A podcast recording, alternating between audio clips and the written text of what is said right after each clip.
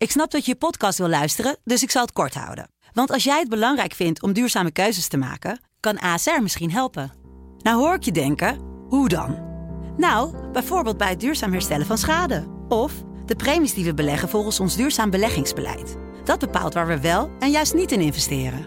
Wil je meer weten over welke duurzame keuzes ASR maakt? Ga dan naar asr.nl slash duurzame keuzes. ASR doet het. Zo, dan kan je nu lekker naar je podcast luisteren. Welkom bij Generatie T. Vaste contracten en werken tot je 60 is vooral iets van de oudere generatie. Millennials hoppen van contract naar contract en ruilen zekerheid in voor inspirerende werkplekken. Werk is iets geworden wat vooral leuk moet zijn. Hoe komt dit en wat zijn de gevolgen hiervan? Dat bespreken we vandaag met Ik ben Koen Nederhoff, ik ben 33 jaar en ik eh, schrijf namelijk over eh, reizen en toerisme. Ik ben Lindsay Groot, 30 jaar. Ik werk als nieuwschef en samen met mijn collega's bedenk ik wat wij als Telegraaf vandaag gaan maken. Ik ben Marlou Visser, 34 jaar en ik schrijf over geld. En mijn naam is eh, Jeroen Holtrop, 30 jaar en ik ben eh, verslaggever voor het YouTube-kanaal. En daarvoor uh, ja, rij ik een beetje het hele land door. Ja, jongens, welkom. Leuk dat we er weer zijn met z'n allen.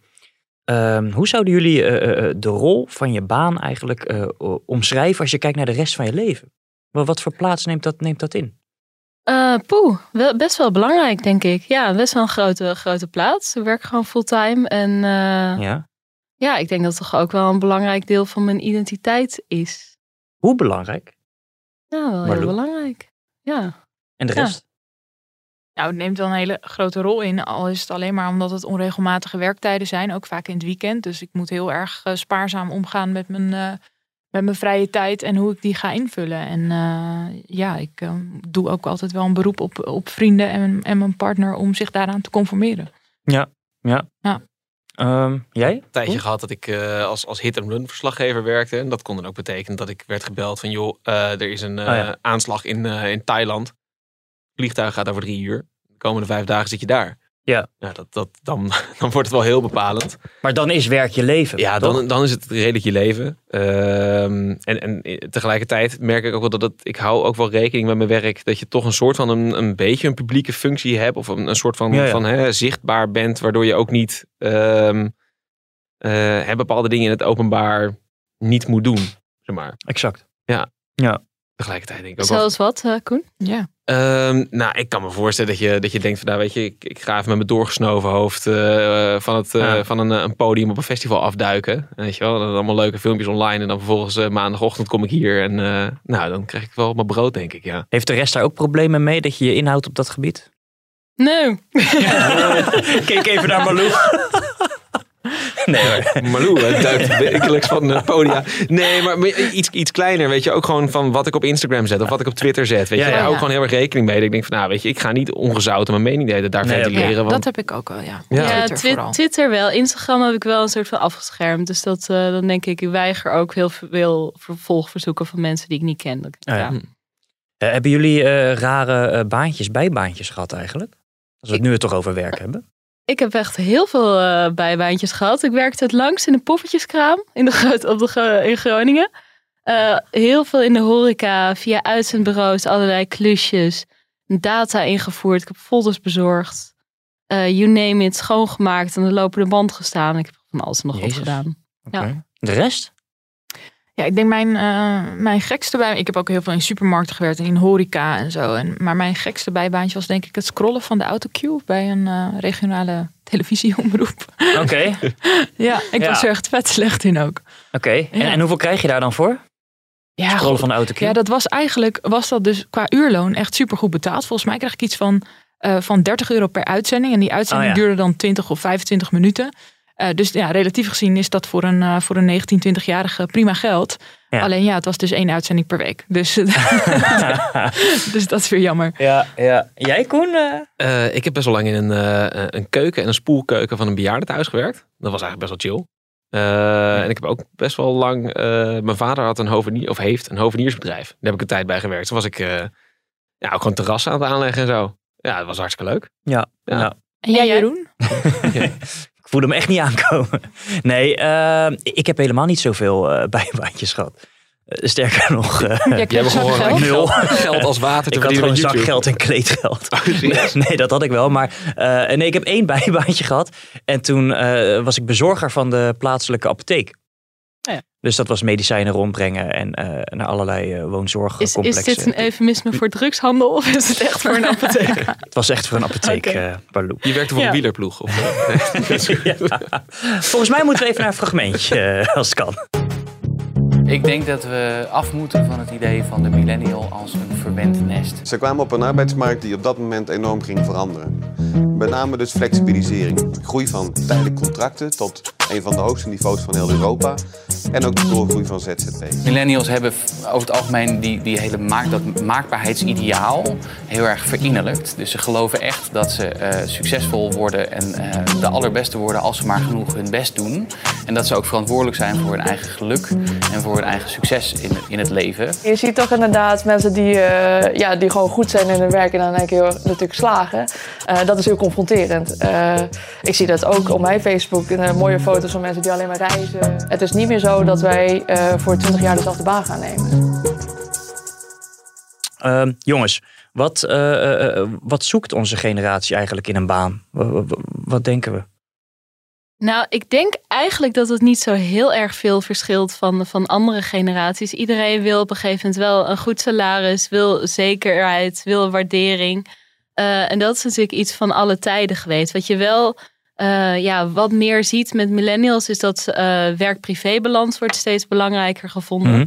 En we vinden het ook wel ja, iets van zingeving. Dus dat we voor een bedrijf werken waarvan wij het idee hebben dat dat, dat een positieve bijdrage levert aan de wereld. Ja, Eh, een bedrijf als Tony Chocolonely wordt bedolven onder vrachtladingen aan sollicitaties van mensen die er zo graag willen werken. ja. Eh, dus dat, dat is wel een beetje nieuw. Het gaat niet meer alleen om de dikke leasebak, maar mensen willen ook eh, Ja. ja, met trots voor een bedrijf werken. En de sfeer ook, hè? De, de welbekende nou ja, eh, Ja. pingpongtafel en zo. eh, de borrels, dat, dat is ook belangrijk volgens mij. Ja, Ja, volgens mij is dat, eh, als je kijkt ook naar vacatureteksten, hoe vaak daarin wordt gedweept met pingpongtafels en vrijmibo's, is dat blijkbaar iets wat, wat mensen dan belangrijk vinden. Ja. Ja. Wat Nou. vind je daarvan? Nou ja, volgens mij is een ongeschreven regel, als een, als een bedrijf gaat pronken met een pingpongtafel en een vrijmibo, betekent dat een kutsalaris. Ja. Ja. Het- of, het- of hele Ja. slechte secundaire arbeidsvoorwaarden. ja. Echt, Ja. ja. Het is natuurlijk ook wel, er is in sommige sectoren zoveel krapte aan personeel. Dus dan, ja, werkgevers kunnen dan tegen elkaar op gaan bieden van, oh ja, wij betalen meer, wij betalen meer, wij betalen meer. Maar je kunt ook een beetje tegen elkaar op gaan bieden in het zijn van een toffe peer. Dus dan eh, worden, komen er Oh. hippe dingen Maar- als Ja, onbeperkte is- vakantiedagen. Of we werken met z'n allen een week op Ibiza. Of weet je, dan komen dat soort dingen. Want anders dan blijf je maar die salarissen eh, verhogen. En ook hoe mensen dan worden aangesproken in die vacatureteksten. Laatst stuurde Kitty, of eh, vandaag stuurde Kitty die Ja, vacaturetekst in door. de groepsapp. Van ja, dan gaan we onze succesvolle werkweek eh, vieren. Want je hebt net nog twee sales binnengeharkt. Nice. Ja, ja. Hè, wat? ja, dat is altijd Ja. zo. Maar, maar dan denk ik, dat, misschien is dat leuk hoor in het begin, maar dat vind je toch ook maar een jaartje leuk. Weet je wel, van oké, nou gezellige sfeer inderdaad, een beetje informeel. Maar op een gegeven moment gaat het er gewoon om ja, Ja. de knaken. Ja, als je op een gegeven moment een keer een huis wil gaan kopen of Ja. hè, je studentenkamer uit zou Ja. willen of iets dergelijks. Ja, dan heb je gewoon iets anders nodig dan inderdaad van je mag blij zijn dat je voor deze prachtige start-up werkt waarmee we de wereld gaan veranderen. Mm. Maar dan kom je erachter dat het na drie jaar nog steeds niet is gelukt. Ja, Ja, eh, op een gegeven moment wordt het wel een keer dat je denkt, hey? En, en wat misschien nog ook wel grappig is met millennials, ehm, is dat, dat je raar wordt aangekeken. Je zegt, van, ik werk al acht jaar bij hetzelfde bedrijf. Of ik werk al acht jaar in dezelfde functie. Dat, dat, Ja. dat mensen iets hebben van, Ja. wow, zo, dat, dat is lang. Man, mijn vader werkte 30 jaar bij hetzelfde Ja. bedrijf. Niet in dezelfde functie misschien, maar Ja. weet je, Ja. ja. Nou is dat deels natuurlijk ook een beetje noodgedwongen. Want eigenlijk sinds de kredietcrisis 2008, 2009... eh, bedrijven, eh er ging het slechter mee, die schrokken zich kapot. Maar oude mensen met een vast contract waren eigenlijk niet te ontslaan. Het kostte heel veel geld. Dus sindsdien zijn ze eigenlijk begonnen met ja, de jonkies... eh, jaarcontract na jaarcontract, na halfjaarcontract, naar flexcontract eh, te geven. Om een beetje eh, ruimte te hebben om, om ja, het personeelsbestand groter en kleiner te kunnen maken zonder al te veel kosten. Ja, is ook een soort, daar is onze virtue, hè? generatie heeft daar echt al heel lang in gezeten. Dan heb je echt veel mensen die vijf, zes banen hebben gehad voordat ze een keer ergens een vast contract krijgen. Ja, maar het is ook een beetje een soort van, van eh, hè, eh, als je te lang op één plek zit, ja, rust roest. idee of zo. Het is een soort van, Ja. van Ja. hè, iets om mee te shinen. Van, oh ja, eh, die- oh, je maakt een volgende stap. Je verbreedt je horizon of zo. Dat zit er dan voor mij Het moet nieuw achter. blijven, uitdagend blijven. Ja. Precies, je Ja. moet jezelf blijven herontdekken. En, en eh, la la la, al die, die zweverige meuk. Ja. Hoeveel, hoeveel uur werken we het liefst in een week? Want ik, ik las ergens dat millennials het liefst 33 uur werken. Eh, hoe, kijken wij, eh, als, we even kijken, ja, als we even kijken naar onze vriendenkring en zo, eh, wat, wat, wat wi- willen we het liefst? Nou, ik hoor toch wel van heel veel mensen, en dat zijn ook de mensen die nog geen kinderen hebben gekregen, dat vier dagen is wel vaak het ideaal. Ja, Eh, alleen Dus als je in je eentje in de Randstad woont, dat dat toch niet helemaal haalbaar is. Maar ik hoor wel veel in mijn vriendengroep dat, dat vijf dagen, ja, dat, dat je dat, het is een noodzakelijk kwaad, maar dat het wel vaak als zwaar wordt ervaren. Maar minder dan vier dagen, dan, dan kun je weer niet echt een baan hebben van betekenis. Dus dat is ook Mhm. niet echt alles. en maar waarom worden die, die, die vijf dagen, hè, waarom wordt dat als zo zwaar ervaren eigenlijk? Hebben we daar een antwoord op? Nou ja, ik, ik dat, Toch ja, We ook willen een heel veel super buiten. druk sociaal leven eromheen. Ja. Bedoel, Je gaat, Twee dat dagen zie weekend ik is in te onze weinig. generatie. Als, Ja. je, als je vijf dagen in de week werkt en je moet s'avonds nog sporten en met vrienden Ah, ja. afspreken. Ja. En, eh, en je vrijwilligerswerk doen. Want dat is tegenwoordig ook wat elke millennial eh, doet om een goede millennial te zijn. Ja, dan ben je aan het eind van de week eh, ben je wel een beetje klaar. Ja. ja. en dan ben je op zondagavond denk je, god had ik nog maar een dag. Ja, dan heb je een burn-out van alles wat je buiten je werk Ja. doet in combinatie met je werk. Ja. ja. Nou ja, ja, ik hoor wel veel in mijn vriendengroep dat als mensen zeggen van, oh ja, ik werk vier dagen, dat echt iedereen anders zegt van, oh, oké, chill. Ja, goed voor elkaar. Ik werk dus vier keer negen en een half. En dat, dat vind ik dus echt super fijn. Ja, dat zou Ja. ik ook tof Want het is, vinden. ja, het is, ja. eigenlijk merk je het niet eens op een dag Mhm. zelf dat je langer doorwerkt. Maar je hebt Ah, wel ja. inderdaad Ja, die lekker. extra dag. Ja.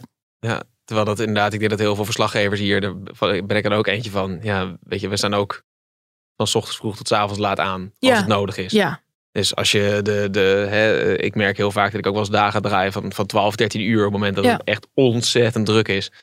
Ehm, het leuke aan het werk hier is dat ik ook wel eens kan zeggen van, hé, hey, weet je, ehm, ik, ik werk deze dag bijvoorbeeld maar vijf uur. Dat weet ik dan niet van tevoren, maar soms Mhm. kan dat wel. Ja, Dat is wel, ik merk dat ik dat heel lekker vind aan het werk hier. Ja.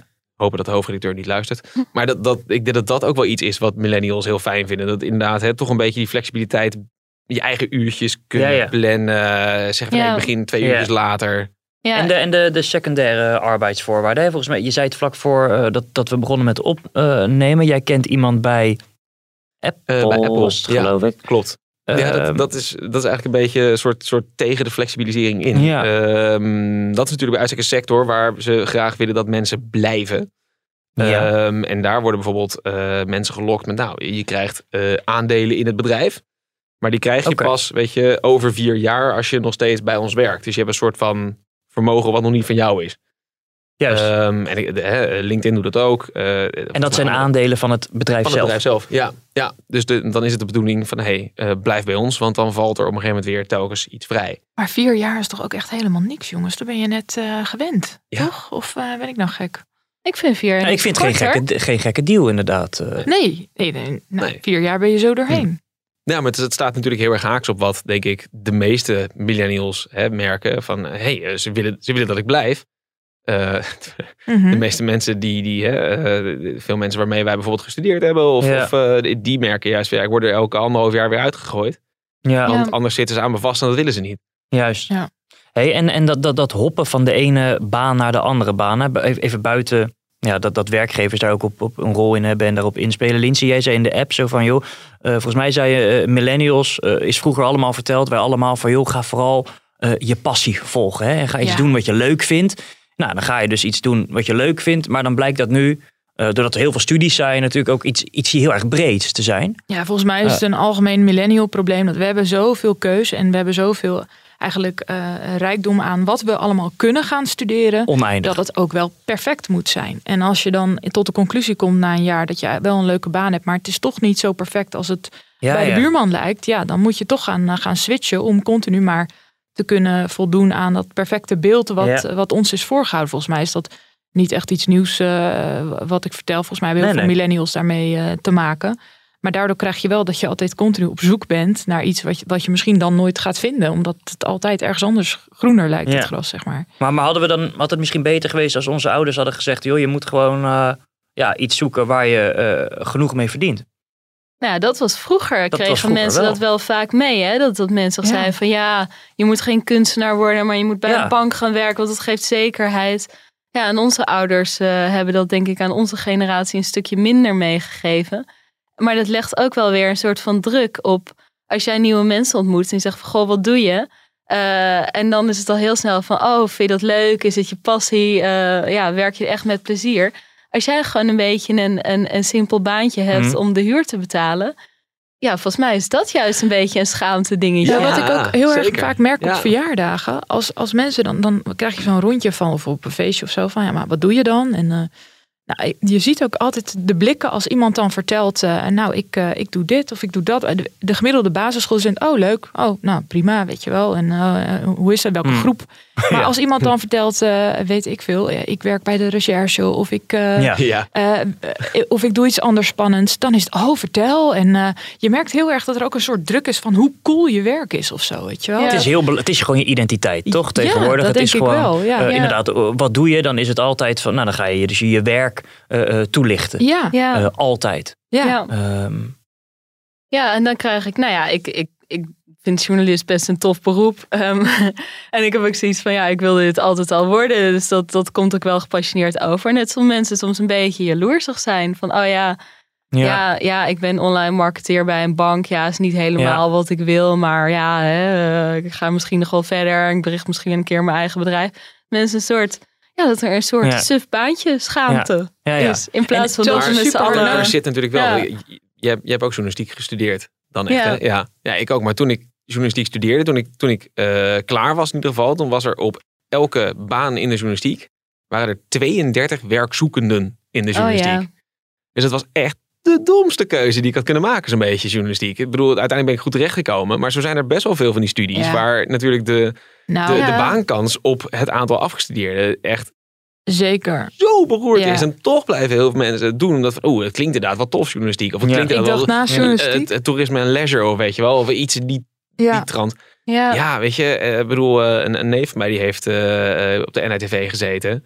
Eh, en die zit nu echt in een hele andere sector. Eh, die heeft ook Mhm. een tijd bij bijvoorbeeld eh, bij de post gewerkt. Mhm. Ja, dat was niet waar die voor had. Maar ja, dat, dat, Ja. Nou, na journalistiek dacht ik, ik ga nog even een master antropologie doen. Nou, ik denk dat er niemand, echt letterlijk niemand op deze aardbol is die wordt betaald Hm. omdat die antropoloog is. Mm. Als ik nu kijk naar oud-klasgenoten, die zijn allemaal eh, bij, eh, bij Tempo Team, eh Ja. hoe noem je dat? Hey, letterlijk. Ja? En, en ik, ja, ben ik blij dat ik nog journalistiek heb gestudeerd, omdat daar nog wel. bij Young, Young Capital om onze oude sponsor eh, aan te halen. Ja. Goeie. ja, ja. Nee, oké. Eh, eh, maar- is onze generatie, om, om, dit blokje dan even rond te maken, nou, nou gewoon dan luier dan, dan vorige generaties? Of is het juist dat we veel, dat we gewoon anders denken? Dat we misschien egoïstischer zijn, meer aan onszelf denken en lang leven de lol? Of, veel sneller ontevreden zijn Ja. of niet tevreden met wat we hebben. Ehm, en, toch en, door, door eh, hoe de buitenwereld naar je kijkt, dan met name. mm, ja. Nou, ook misschien- onszelf is voorgespiegeld. Ja, En we stellen hoge, Verwachtingsmanagement. hogere eisen, denk ik, aan dingen. Alles moet echt top en perfect zijn. Je moet je baan echt leuk vinden en een passie. En je moet je erin kunnen ontwikkelen. En Je moet heel druk we, zijn. stellen, we stellen gewoon hele hoge eisen aan ons leven. Eh, ook omdat je in een redelijk vervarende tijd bent opgegroeid. En omdat je toen je opgroeide het idee had dat, dat alles mogelijk was. Dus ja, we nemen ook niet meer zomaar genoegen met iets wat niet... eh, wat jij Heel trouwens nu zegt is. is heel grappig inderdaad. Hè? We moeten druk zijn. Ja. Dus dat het, eh, Ja. Hoe gaat het met je? Ja, druk. Dat is dan een teken dat het goed gaat. Dat is zo weird. Alles goed, ben je druk? Dan Ja. denk ik, ja, misschien is dat helemaal niet goed. Zeg Nee, maar. precies. Terwijl dat is ook een soort van, van nou ja, Ja. Dat, dat, dat is een teken dat het goed met je gaat. Terwijl, Ik weet dat niet zo goed eigenlijk. nee, nee. Ja. Ehm Marlou is de gast. Dat kan maar één ding betekenen. Namelijk dat jij eh, iets te cancelen hebt. ik, eh, ik heb inderdaad wel weer iets te cancelen. Ik vind dat we maar Ja, eens, wacht eh, even, Marlou. Oh, wacht oh. Oh, oh, we hebben... eh, ja, ja, ja. Gecanceld. Gecanceld. Gecanceld. Je doet nu echt niet meer mee.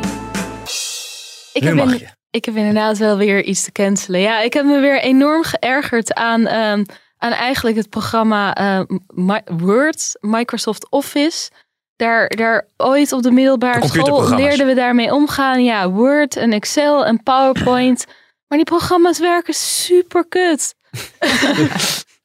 Die zijn echt in 1998 blijven hangen of zo, qua functionaliteiten.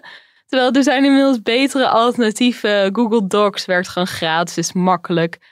Krijg ik weer van mensen een persbericht in een Word-bestandje dat alleen lezen is en dat je moet Oh ja. dupliceren met allemaal tekentjes en dingen. En houd toch op. Kunnen we dat gewoon in de prullenbak gooien? Bij deze, Bij deze. gecanceld. Microsoft Office, als ik het goed begrijp. Ja. Oké, nou staat genoteerd. Ehm, even terug naar het onderwerp, jongens. Eh, eh, eh, we hebben net een beetje geschetst van, van hoe wij dan tegen werk aankijken. Of in ieder geval onze generatie. Ehm, ja, wat zijn de gevolgen hiervan eigenlijk? Burn-outs. Hm, Ja, Ja. veel. Je ziet veel burn-outs. Met name binnen onze generatie. Maar dat is misschien ook best wel gek eigenlijk. Als we dus minder werken. En dan wel in burn-outs terechtkomen. Ja, nou ja, ik weet niet of die, of die burn-outs, eh, of dat allemaal komt door louter werk of ook alle Mhm. dingen eromheen. Maar volgens mij heeft het wel te maken met het feit dat alles perfect moet zijn. Dat Juist. we continu blijven streven Juist. naar dat het allemaal super vet is wat we doen. Ja. Ja. Perfectionisten hebben heel veel kans op een burn-out. Ja. Juist. Dus als jij ook hele hoge eisen hebt van jezelf en je verwacht ook dat je een, een toffe, impactvolle, geweldige baan hebt. eh, ja, dan, dan kunnen dingen behoorlijk tegenvallen. Of misschien heb je wel zo'n baan en, en werk je je helemaal over, kop, over de kop eh daarmee. Mhm. Eh, ja, hoge eisen, dat is wel eh Ik kan me ook voorstellen dat als je een, een hè, je hebt een jaarcontract en nog een keer een jaarcontract en daarna is het do or die, dat je dan in die twee jaar ook wel heel erg op de toppen van je, hè, echt, echt, echt op Ja. het puntje van je tenen gaat lopen en dat je daar dan ook continu door opbrandt. En dat als het dan één of twee keer mis is gegaan, Ja, dat je nou ja, dan echt met jezelf in de knoop komt. Dat, daar kan ik me nog best wel wat bij voorstellen. Eh. Dat dat ook meespeelt. Ja, en dat je Ehm. continu ook de onzekerheid hebt van god, krijg ik een vast contract? Wat betekent Ja. dat? Kan ik een huis kopen? Eh, en, en dat soort Ja, zaken. Dus ja. dat, die druk heb je natuurlijk ook altijd eh, achter je. Maar, maar dat lijkt ook een beetje, ja, misschien dwaal ik af, maar een soort van heilige graal nu. Hè? Voor me- een, een huis kopen. Het Ja. heel dat, gek. dat, ja, nee, ja, dat, dat is natuurlijk ook, ik- wel waar het vandaan komt. Maar eh, dat ik soms ook denk, ja, dan ga je toch... Nou, ik hoor de laatste tijd juist steeds vaker mensen zeggen: waarom zou, waarom zou ik in godsnaam nog? Ik bedoel, ik heb. eh, Serieus? Nou, laatst iemand die zei, Oh, die heeft ik heb- een, eh, een, eh, een huurwoning toegewezen gekregen. En dat is dan in de particuliere sector. Ja. 1200 euro, een, een pand in Amsterdam van ruim 100 vierkante meter met een dakterras. En zij zegt, ja, waarom zou ik in godsnaam nog iets gaan kopen? Want dit Ja, nee, dat, ja, precies. Ik bedoel, eh, het is alleen maar stress en ellende die ik, er, eh, die ik eraan ervaar. En teleurstellingen. Ja. Ik heb hier gewoon eigenlijk qua vierkante meter prijs prima huurwoning. Ja, Ja. ja. Ik hoor zelfs van jongeren, eh, althans dat las ik in NRC, dat er ook jongeren zijn die denken van ja, een huis kopen kan toch niet. Dus weet je wat, ik kan net zo goed gewoon drie dagen in de week gaan werken. Ik hoef niet te Oh sparen, ja. ik hoef niet te werken of aan, aan, Dat aan de krijg je nu toekomst, dan, ja. want het heeft toch geen zin. Ja, Ja, ja. dat vind ik ook wel interessant. Nou, Ja. wat, wat er volgens mij dan, hè, als je kijkt naar, naar jongeren, en dat is een beetje bij onze generatie begonnen. Wij, wij kwamen allemaal eh, uit de schoolbanken in, eh, eh, nou, maar tussen 2007 en 2012 ongeveer, ruwweg. En dat was net tijdens die economische crisis. En in die economische crisis zijn hè, bedrijven enorm begonnen inderdaad met, met nou, flexcontractjes, jaarcontracten. Ja. Ehm, ja, daar zijn wij gewoon heel erg aan gewend geraakt. Heel veel mensen zijn ook maar gewoon eigen bedrijfjes gestart. Zijn gaan ZZP'en. Ehm, ja, die, die plukken daar nu de zure vruchten van. In de zin dat je nog steeds de hele tijd alleen maar met die flexibele... Hè, dat je, nou, je krijgt eh, drie keer een half jaar contract. En daarna word je drie maanden... Ja, Over drie maanden moet je opnieuw solliciteren. Want dan mag je weer opnieuw beginnen. Ehm, vaste contracten worden echt een stuk minder uitgedeeld. Ehm, en, en, Ja. hè, we hadden het net even, we spraken een beetje voor van, nou ja, is dat iets wat jongeren zelf willen? Dat was namelijk omdat hè, het CBS beweerde dat eh, in, een, in een verhaal wat ik, eh, wat ik tegenkwam. Ja, daar werd kaart van geroepen, ja, bullshit. Ja. Ik weet niet, eh, Nee, natuurlijk. ja, maar Dat, dat, wie, wie, wie, iedereen wil toch een beetje zekerheid en gewoon een vast contract. Ja. ja. en het Eh, is, het is ook- echt niet dat wij dit willen, hè? van baan naar baan ja. en eh, steeds ergens een jaar werken. Ja, misschien wil je best op een gegeven moment naar een andere baan. En begin je op je Tuurlijk. 22 niet met iets met het idee van ik zit hier tot mijn pensioen. Maar dan wil je weg op het moment dat jij iets anders leuks Ja. hebt gevonden. Dan wil je niet weg omdat jouw contract weer eens is Precies. afgelopen. Maar het het is ook een CBS, blijk van waardering. het CBS claimt dus, eh, zeg jij Koen, dat, dat, dat, dat millennials dat juist willen. Die ik vinden het wel lekker. staan van inderdaad, eh, hier, eh, de voornaamste reden voor het hebben van een flexibel contract is voor jongeren de behoefte aan flexibiliteit. Ik kan me voorstellen dat dat tijdens een studie is, dat je hè, kan zeggen van nou, ik, ik, eh, Ja. als ik de, tijdens tentamens wil ik nul uren werken of, of Ja. hè, misschien in de tijd daarna Ik ga twee maanden reizen en daarna kom ik Mhm. weer terug. Ehm, maar ja, het vervelende aan die flexibele contracten is natuurlijk dat zodra de, bijvoorbeeld hè, de coronacrisis uitbrak, het eerste wat bij alle bedrijven eruit is gemikt, Ja, zijn de, de Ja. flexibele contracten en de nulurencontractors. Want ehm, die kon je niet meer gebruiken. En die stonden dus allemaal met lege handen. ja ik Eh, moet nu is zeggen het personeelstekort, eh, zijn ze weer nodig. Maar Ja. ja, Ja. dat ik Ja. daar ook wel een klein beetje met, met een klein glimlachje naar kijk. Hoor. Dat de horeca en de winkels en al die sectoren... Hm. dat die zo enorm met de handen in het haar zitten. Ja, die hebben al die studenten en scholieren er gewoon uitgeflikkerd. Hm. Vorig jaar maart. Ja. Eh, zo van, oh ja, scholieren komen wel weer terug. Nee, die scholieren die zijn nu boodschappen aan het bezorgen... of bij de GGD mensen de weg aan het wijzen. Krijgen daar veel meer betaald. En denk je, ja, toedeledokies. Ja. Eh, vorig jaar stond ik zonder iets op straat... en kon ik mijn kamer niet meer betalen. Jullie zoeken het maar uit. Juist. Maar Ja. hadden ze een keus, die bedrijven, op dat moment? Ja, natuurlijk. Ze hadden even geen inkomsten. Op zich was de loonsteun wel echt bedoeld eh, met de voorwaarde dat je ook je flexcontractors moest doorbetalen. En toch zag je in de praktijk dat de studenten en de scholieren die niet zoveel papier hadden staan, dat die er toch massaal werden uitgegooid. Dus ja, nee ja, die ondernemers hadden het natuurlijk ook niet zo makkelijk. Maar het is toch wel dat je denkt, ja, personeel is geen wegwerpproduct. En ga je Nee. er wel zo mee om, ook met jonkies, ja, dan kom je in de problemen. Ja, ik, ik vind dat wel mooi hoor, Ja. dat mensen hun mensen moeten gaan waarderen. En het is ook voor een dubbeltje op de eerste rij willen zitten. Hè? Want je wil alleen maar, weet je, eh, wat zit er achter de kassa? Er zitten Ja. alleen maar eh, mensen die, die, nou, weet je, 16 tot 22 jaar. Want daarna worden ze gewoon te duur om achter de kassa te zetten. En daar zit volgens mij ook gewoon een deel van het probleem. Die Ja. horeca zou nu prima een zootje 50-jarigen aan kunnen nemen die eh, eh, nergens Ja. aan het werk komen omdat ze te Ja. duur zijn geworden. Ja, Maar de horeca wil ze niet betalen wat ze marktconform zouden moeten krijgen. Ja. Maar het Maar wie is wel... bepaalt dat uiteindelijk? Wat een 15-jarige dan marktconform in de horeca Ja. moet krijgen? Nou, er zijn minimumlonen natuurlijk Ja. per leeftijd. Eh. En dat, dat loopt op. En, en volgens mij als je 17 of 18 bent, is dat echt de helft van als je 21 plus bent. Hmm. Ja, Eh, oké. dus dat onderscheid wordt gemaakt tussen 21 plus en, ja, en terwijl, daaronder. terwijl bijvoorbeeld voor werkende bediening eh, kun je echt niet direct zeggen dat een 21-jarige echt een stuk beter is dan een 17-jarige. Het is verschilt een beetje per persoon, maar dat wordt niet per se met de leeftijd Ja, heel ja. anders. D- Dus daar had jij ook nog wel ja. gedachten over, geloof ik. Hè? Die, Ja. die, die leeftijdsopbouw en, Nou ja, en dat vaak een salaris daaraan gekoppeld is. Ja, Ehm, vertel. Nou ja, het, het, we hadden het hier een beetje over, weet je, van de jongeren en flexcontracten. We, we appen Ja. dan van tevoren. En ik zei van ja, maar ik vind het ook super lullig voor al die mensen die, eh, weet je, eh 50, 55 zijn en er ergens uit worden gegooid bij een reorganisatie en vervolgens nooit meer ergens aan de bak komen. Die worden echt aan de kant geschoven met sollicitaties. Omdat ze veel duur. veel te duur zijn. Ja. als je de keuze hebt tussen een 23-jarige of een 55-jarige, dan neem je de 23-jarige, want die betaal je de helft. Ja. Terwijl het eigenlijk heel raar is dat, ehm, ik, nou ja, goed, qua productiviteit, daar wil ik vanaf zijn. Maar ik denk dat misschien iemand eh, van tussen de 30 en de 40, dat die wel het meest productief is van zijn hele werkende leven. Ehm, maar vooral, weet je, dan kijk ik even om me heen. We zitten hier allemaal met mensen zo van rond de 30. Ehm, wij, moeten weet je, wij willen een huis kopen. Wij gaan kinderen maken, wat, wat belachelijk duur is. Hmm. Eh, wij moeten eh, hè, een bestaan opbouwen. We moeten een studieschuld aflossen. eh, inmiddels al helemaal natuurlijk, doordat ze die, die beurs eruit gegooid. Ehm, het is heel raar dat wij veel minder verdienen dan iemand van 55. Terwijl je zou zeggen, weet je, maak dat een soort van parabolisch systeem. Hmm. Ehm, bouw sneller dat salaris op, maar bouw het op een gegeven moment ook weer af, zodat die 55-jarige Mhm. een eerlijke kans heeft op de arbeidsmarkt. Ja, En wij een soort van bestaan op kunnen bouwen. ja. Ik kan daar echt. ja, het tegenargument zal altijd zijn ervaring, eh levenservaring, Ja, maar dat is niet meer zo, want je wisselt de hele tijd van baan. Ja, ja. Ehm, ik bedoel, en dat, dat die generatie die al 30 jaar bij hetzelfde bedrijf werkt, die gaat er echt nu wel zo'n beetje uit. En er zijn Ja. best wel veel mensen Ja. van. van Nou ja, daar zit het in. En dat, en dat kopje ervaring is ook denk ik vooral in de, in de ambachten. Eh, ik bedoel, tegenwoordig is het vaak in bedrijven natuurlijk zo dat de jongeren de, de oudere generatie op weg helpen. Als het gaat om ICT, om, om snelle eh, foefjes en dat Ja. soort dingen. Ervaring is niet, niet per se in elke sector alles Nee. meer. Ik ga Is wel dat ook niet het probleem? Al die onzin, al die, die veel te brede studies, zeg maar? De, dus hè, dat de echte ambachten, die, nou goed, dat, dat, zie, dat zie je weinig. En het zijn met name gewoon de, studiekeuze, dat, het- dat het veel te breed is.